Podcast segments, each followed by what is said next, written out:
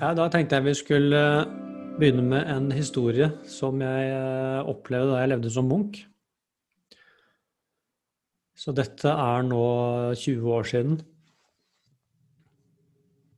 Og det var eh, Jeg fortalte jo om noe av det første jeg gjorde som munk. Jeg dro opp på dette lille stedet i Himalaya hvor jeg satt og mediterte i tre måneder. Og året etter så reiste jeg opp til det samme stedet for å gjøre da en ny retreat, som det kalles. Som også var på tre måneder. Ja. Men jeg kom opp uh, til dette lille klosteret det andre året, så var det en liten gutt der. Han var uh, bare fire år gammel. Og på det klosteret, altså et kloster, det bodde bare to stykker der. Det var én munk og én nonne. Og de var jo like mye altså bønder som de var munker og nonner, på en måte. Men uh, så var de to, så var det den lille gutten. Og historien som de fortalte, det var at uh, når han begynte å snakke, så sa han uh, altså Noe av det første han sa, det var 'Jeg er Cherok Lama'. Og jeg vil tilbake til Cherok. Og Cherrock det er et lite sted, altså en times gange unna der hvor jeg holdt til. Og ett år før denne gutten ble født, så, så døde da denne Cherrock Lama. Altså, lama er jo egentlig bare et ord for lærer. Så, så han var en veldig gammel mann og hadde vært Jeg tror lamaen for det distriktet. Så, og det er klart, I Tibet og i tibetansk buddhisme så har de jo denne troen på reinkarnasjon. Og de har også den tradisjonen at hvis en Når en stor lærer død, dør, så, så leter de ofte etter reinkarnasjonen. Og det mest kjente er kanskje med Dalai Lama, som vi kjenner til i, i Vesten. Men det er Altså, de, de leter etter et tegn, mener du, på å finne De leter etter den neste innfødselen. Så Ja. det, Dalai Lama ble jo for eksempel, ble jo funnet etter han var fire-fem år, og da ble han jo med familiens velsignelse så ble han jo da henta til Lhasa, som var hovedstaden, og så begynte jo hans eh, egentlig utdannelse eh, da i fire-fem års alder. Begynner den med en gang. Og jeg tror tanken bak det er at det da det skal ikke bli så mye altså conditioning. Det er ikke så mye betinging. Det er ikke så mange uvaner som får satt seg før man da går inn i begynner å forme sinnet. Så det tror jeg er eh, Jeg skjønner tankegangen. Ja, ja, ja, det skjønner jeg. Men for meg så var jo dette et eh, ja, mildt sagt et mysterium. Så, når de fortalte meg dette, så var det sånn Jøss, det var interessant. Altså, får jeg anledning til å studere dette på nært hold. Jeg skulle være der i tre måneder. Men han var sånn uh, Dette erfarte jeg jo ikke, men det jeg hørte, da, det var at han uh, Innimellom så måtte moren hans bære han på ryggen opp til Cherrock, for at han, uh, han, han slo seg helt vrang og ville bare opp dit. Mm. Og, så vi måtte bære han opp der, så måtte vi bare være der liksom eh, et par timer, og så kunne det gå ned igjen, for da roa han seg. Og, eh, og så satt han mye og lekte hjemme i, den, eh, i vedkassa til familien. Og en sånn vedkasse den er veldig lik en sånn meditasjonsboks som de ofte sitter i. For å komme litt opp fra gulvet. Så han satt da i vedkassa og lekte at han mediterte. Og så tror jeg faren hans døde. Så da han var kanskje tre, tre år gammel. Og så måtte jo moren da begynne å forsørge familien, så hun fikk jobb eh, Hun skulle på en sånn tre måneders trekking. Eller et halvt års trekking. Og da spurte hun om denne gutten kunne bo på klosteret. Så det hadde de sagt ja til. Så det var forhistorien til at han var der når jeg kom. Vi kunne jo ikke snakke sammen, men han var eh, Og hun Jeg satt jo stort sett og mediterte, men jeg var jo og spiste lunsj hver dag eh, oppe i hovedhuset. Og så kunne nonna litt engelsk, så vi kunne kommunisere litt. da. Så jeg begynte jo å snakke med den lille gutten via henne. Og hadde mye glede av det. Men så halvveis i oppholdet, det som jeg egentlig vil fortelle som virkelig var rart, Det var, eh, da var jeg, jeg, var, da jeg var ferdig å spise. Mm. På vei ned til da, hytta mi, så kommer denne gutten, og så tar han meg i hånda. Og så bare trekker han meg i en annen retning. Og jeg skjønner med en gang at han eh, Nå har han lyst til å ta meg til Cherrock. Og husk på, dette er en fire år gammel gutt som nå, ja, som nå tar meg på en vandring over fjellet. En times gange. Det er ganske langt. Jeg hadde ikke hatt uh, kjangs til å finne fram. Alltså jag har en treåring. Det är lite många skritt han tar för han är färdig. Nei. Så det, Eller jo, det er jo det. Hvis han leker så er det en sak, men hvis han på en måte skal gå en tur Ja, nej, dette var han Han dro meg altså, han dro meg bare med. Så jeg tenkte ok, dette det kunne jeg jo ikke si nei til. Altså, det var jo altfor fristende, så jeg, så jeg fulgte etter. Og det var helt riktig, så vi vandret da over fjellet til Cherrock. Han først og jeg etter. Og Cherrock, det var egentlig altså, bare et veldig lite sted, men det var, det var et sånt sted som ja, det var tatt ut av 'Ringenes herre', egentlig. Altså. Det, var, det er som å gå inn i en annen, sånn, nesten en mytisk verden. Altså, det var, eh, det var På den ene siden så var det en fjellvegg som gikk rett opp, og så var det ellers omringet av, eh, av eh, altså mye trær. Det var veldig grønt. Og på, ved basen av dette fjellet så var det Enten så hadde det vært en naturlig hule der, eller så hadde de gravd ut litt. Men det var på en måte et Det var halvt hule og halvt hus. Så var den ene, så du kan si baksiden av huset var fjellveggen. Mm. Og så var det ett eller to vinduer og en dør liksom på fjellveggen. Så du gikk inn i en dør, men da kom du egentlig inn i fjellet. Og der hadde da den gamle Cherokh Lama bodd. Så vi kom dit, og da da gikk han Det var faktisk veldig rart å se på. Altså sånn hvordan han eh, Han gikk og hilste på alle trærne.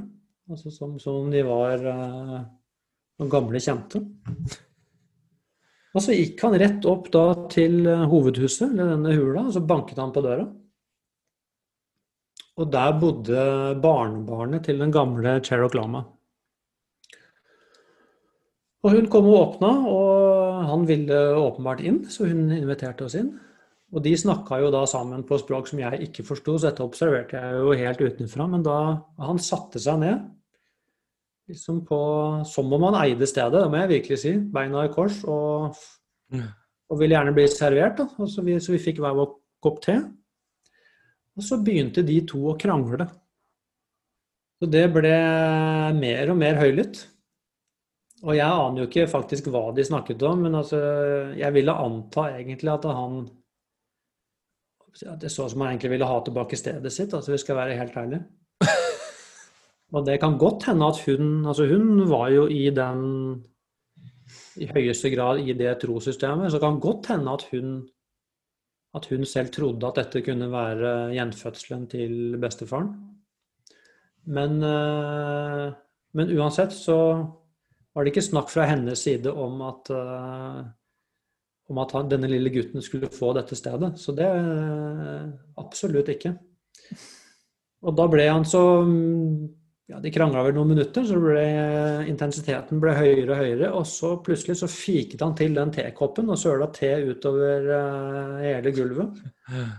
Og ble helt ute av seg, og, så, og da storma han ut. Og det jeg måtte jo da storma jeg etter. og men så skiftet så Det var det observerte jeg gjennom alle de tre månedene. Han skifta veldig mellom Noen ganger så var det noe sånn veldig voksent i vesenet hans.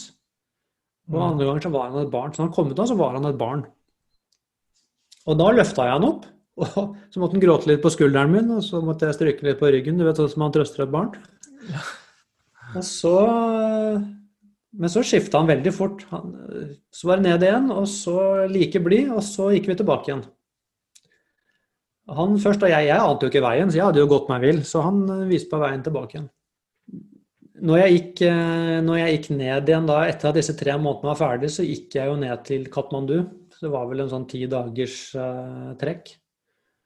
Og halvveis der så var da hovedklosteret på en måte i hele dette distriktet. Så jeg gikk da innom dette klosteret til uh, han hovedlama der, så fortalte jeg historien.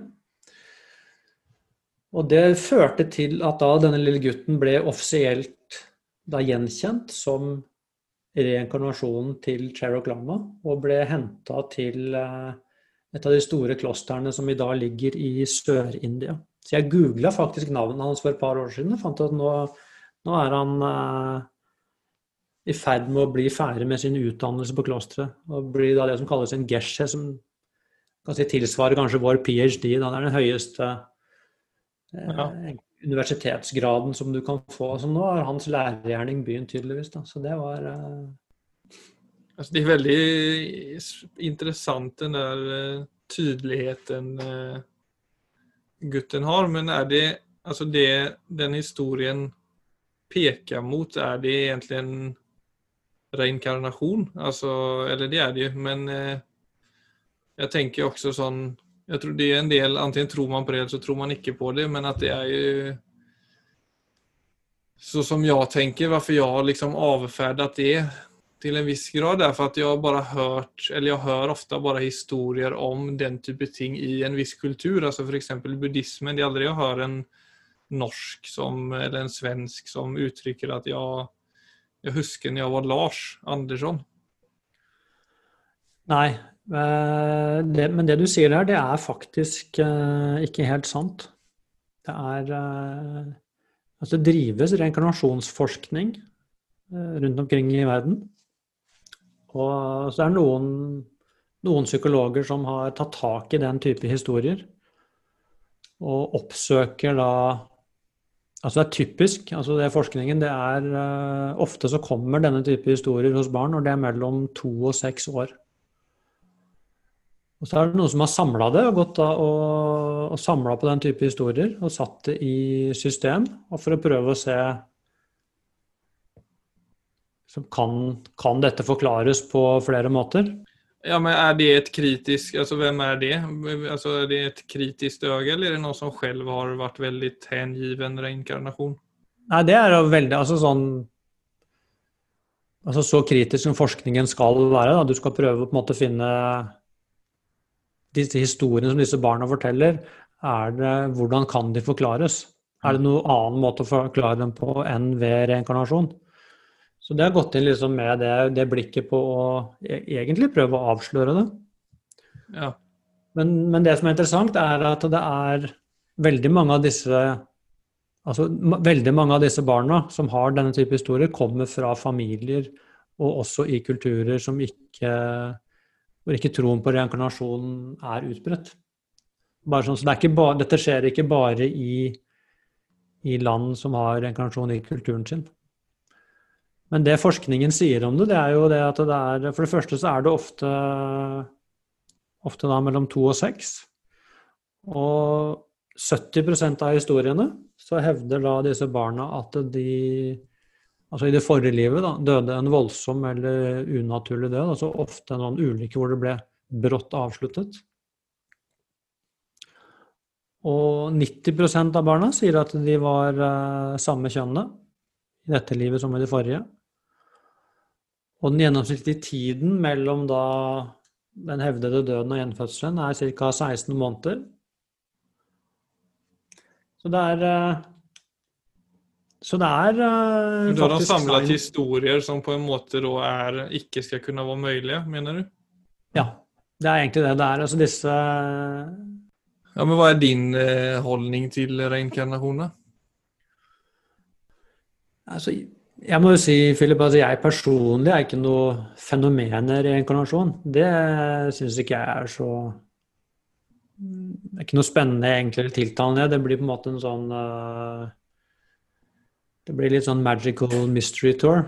Men det som er relevant for meg, altså ut fra dette perspektivet, det er mer er det noe mer til eksistensen? At det er bare tilfeldig, at det er helt random? altså her kommer Jeg liksom en piece of meat som tilfeldigvis har uh, noen år på jorden, og det er det. Eller er det noe For meg så er eksistensen mye større enn det. Så jeg tror, og, det, og i det så kan du godt si at den type fenomener bor, men det er ikke de som er interessante. Det som er interessant, er hvor stort eksistensen er.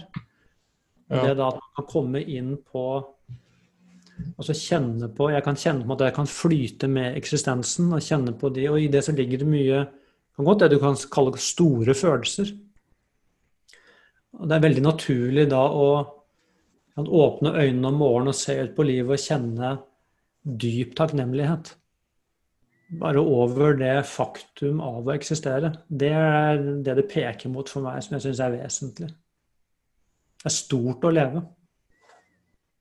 Men altså å komme For nå når du, når du nevner takknemlighet der, så tenker jeg jo fort på så som vi lever våre liv. Da. Så hur, det er jo det er et spørsmål som mange som, ja, som angår alle. Altså det der med å kjenne seg takksom Hvis vi går litt bort fra det mystiske, men det å være takksom for det livet man har og det man har, i stedet for å ønske seg noe annet, så er jo det en problematikk for veldig mange. At vi For det er også så, så som til hjernens natur, så er det også Vi har jo en, en innprogrammering som dessverre er negativ, altså både biologisk, altså fra hvordan vi har levd, men også eh, till til en viss grad. Altså de nyheterna, alltså vi blir bombarderade med, som ofte är negativa og reklame som alltid forteller oss at det er et eller annet som mangler i våre liv. Alltså det, er, det är veldig mange fenomen som naturlig pekar mot negativa tendenser i vårt sinn. Absolut.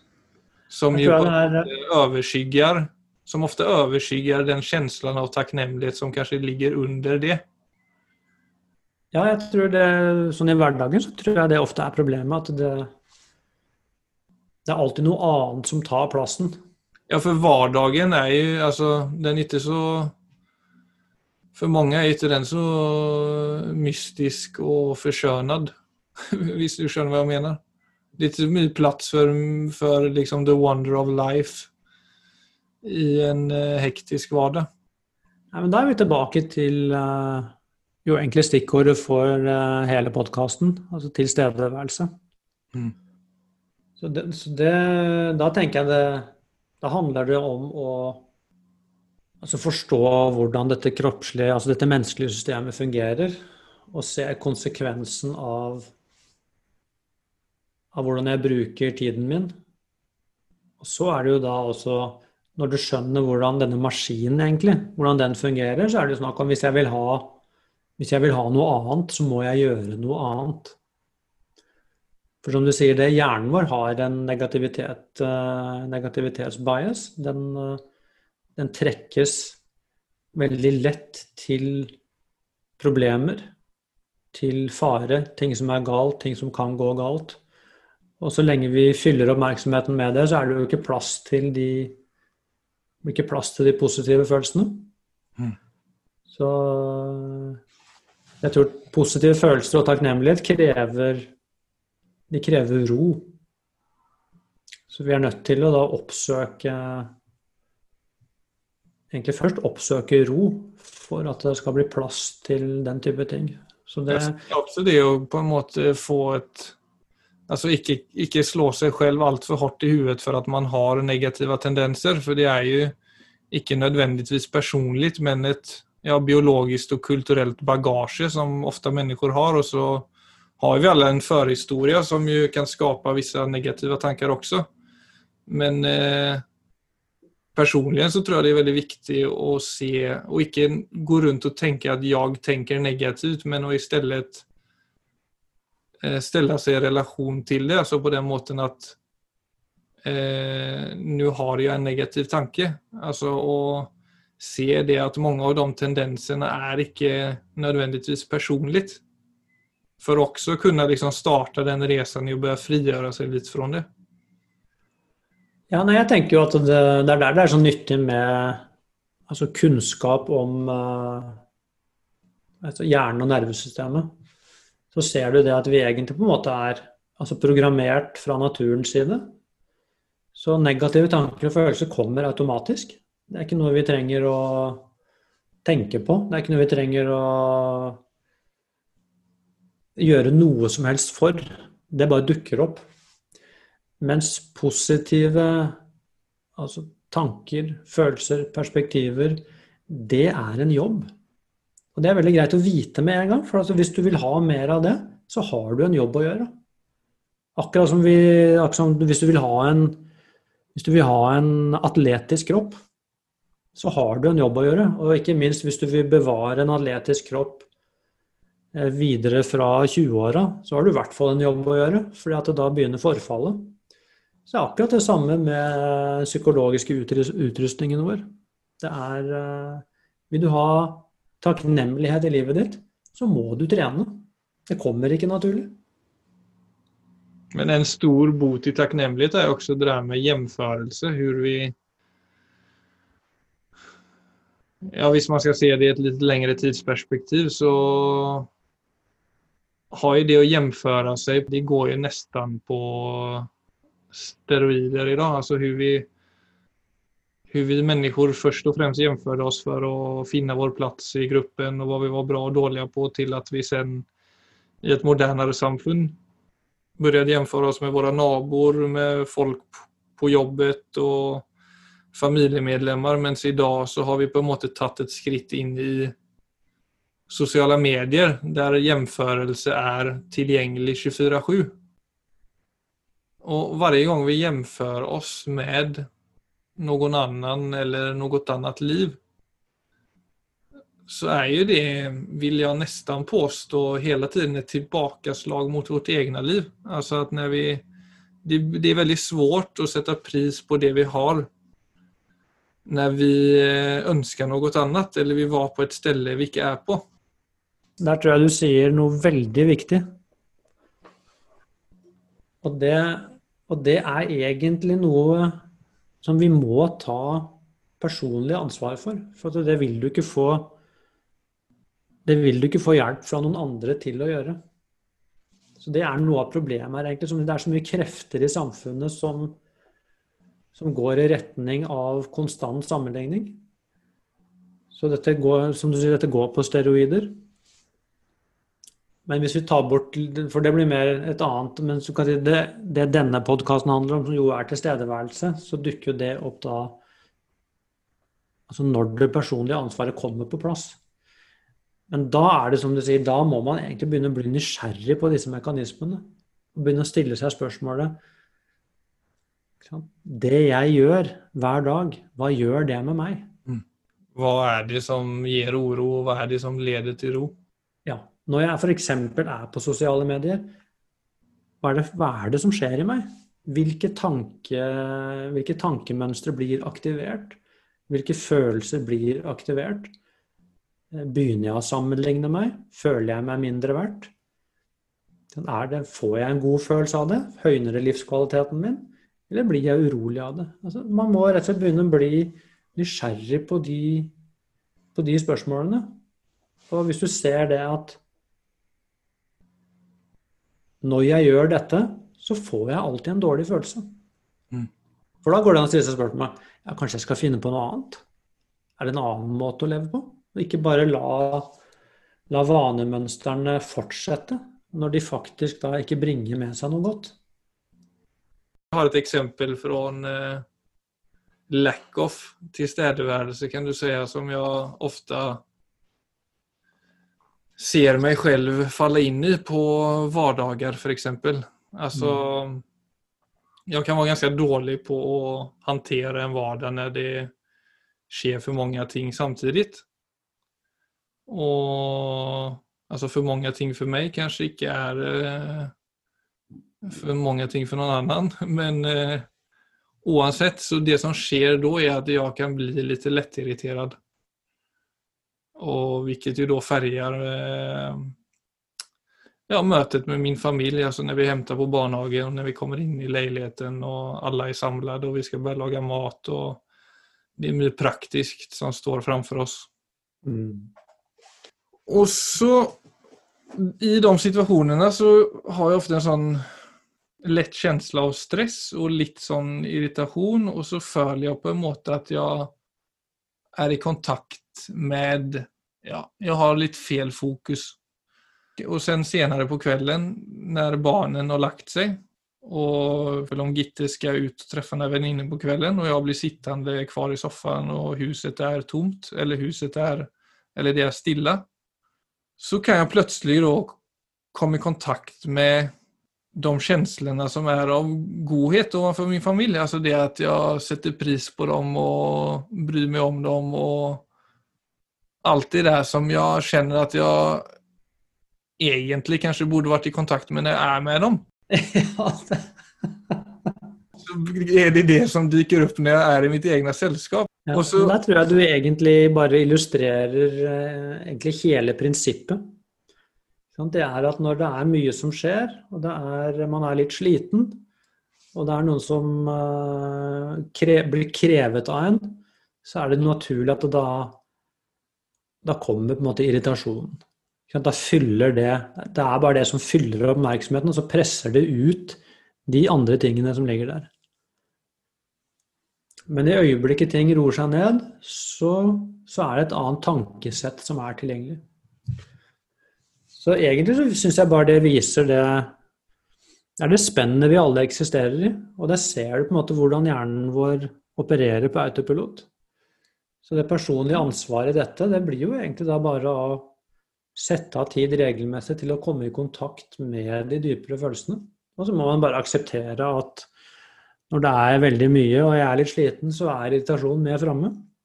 Jo, men jeg tenker også det sånn som hvis du ser på en ferie da, for eksempel. Jeg tror man kan kjenne igjen seg i den drømmen man har om en ferie. Altså at man går rundt og gleder seg som et barn og har det med seg som en liten sånn gullkant i hverdagen. At man, ja, at man lengter og drømmer seg bort, og sen når vel ferien er der, så går den fort over. Og så kanskje det ikke var så storartet som man gått rundt og kjent på. Altså det er nesten som om den drømmen om ferie er bedre enn selve ferien. Altså, det er det jo bare sånn litt morsom fun fact. Altså, du vet uh, altså, Hvis du deler en flaske vin med noen, eller hvis du drikker uh, La oss si du drikker en halv flaske vin, Vet du når lykken din eh, er på sitt høyeste? Rett før du smaker på vinet? Ja, det er helt riktig. ja, men det er det liksom sånn som når du tenker for et, sånn, et sånt ferieparadis. Da er det jo sånn du ser for deg den plassen, men du ser ikke at du er på den plassen. Nei, med alle dine med, med hele bagasjen. Du skal møte en idiot av en taxisjåfør, liksom, og få kald pasta. Nei, du vet, Det er det samme altså hvilken dag uh, nordmenn altså, i snitt er lykkeligst. Fredag formiddag, da piker lykkenivået i Norge. Ja, men det er jo også en idé, da. Ja, nettopp. Det er forventningen om at nå er det helg. Da er det på det høyeste. At vi pleier jo å kalle disse tingene i Vi kaller det bare placebo. Men hvis du begynner å undersøke ja, hva betyr det? Jo, det, der ligger det jo en enorm ressurs. Så Istedenfor å kalle det placebo, så må vi begynne å se på Virkelig begynne å, å bruke vår mentale utrustning, for det er en kraft som faktisk, eh, som faktisk har kausal kraft. Den har en enorm påvirkning på, så hvorfor ikke begynne å bruke det? Hvis man skal ta hvis, hvis vi bruker det eksempelet du sier om hverdag og helg, da for å holde det kort, hva, på hvilken måte burde folk bruke den psykologiske kraften for at hverdagen da, eller jobbet da, hvis du er misfornøyd med ditt jobb? Jeg ser hvilken kraft som ligger i å endre perspektiv, altså endre fokus. Altså for eksempel så kan det være så enkelt som å Begynn hver eneste dag med en liten uh, takknemlighetsøvelse. Istedenfor å gå rett inn i uh, inn i rett på telefonen eller rett inn i aktiviteter. Altså. Sett deg ned et par minutter i ro og bare virkelig tenk over alt du har i livet ditt som du er takknemlig over. Vi trenger å, vi trenger å ta noen pauser fra bare Gjøre, gjøre, gjøre, gjøre, gjøre. gjøre. For må, det krever litt ro, men med en gang du gjør det, hvis du sitter ned i ro, og så vender du oppmerksomheten mot hva du har som du kan være takknemlig for, og virkelig prøver å lage en, en film oppi hodet ditt, gjøre det så sterkt som mulig, så vil du si at de følelsene, de gode følelsene, de er, eh, de er tilgjengelige med en gang. Så det handler mest om hvordan du bruker sinnet ditt. Og ja. gjennom det så tror jeg du vil også få øye på at dette er noe du i prinsippet kan gjøre hele tida. Det er uh, Altså your focus, your focus determines your reality. Så det å gjøre det til en sterk muskel, så vil du se det at du har uh, en enorm påvirkningskraft på ditt eget liv. Så enorm.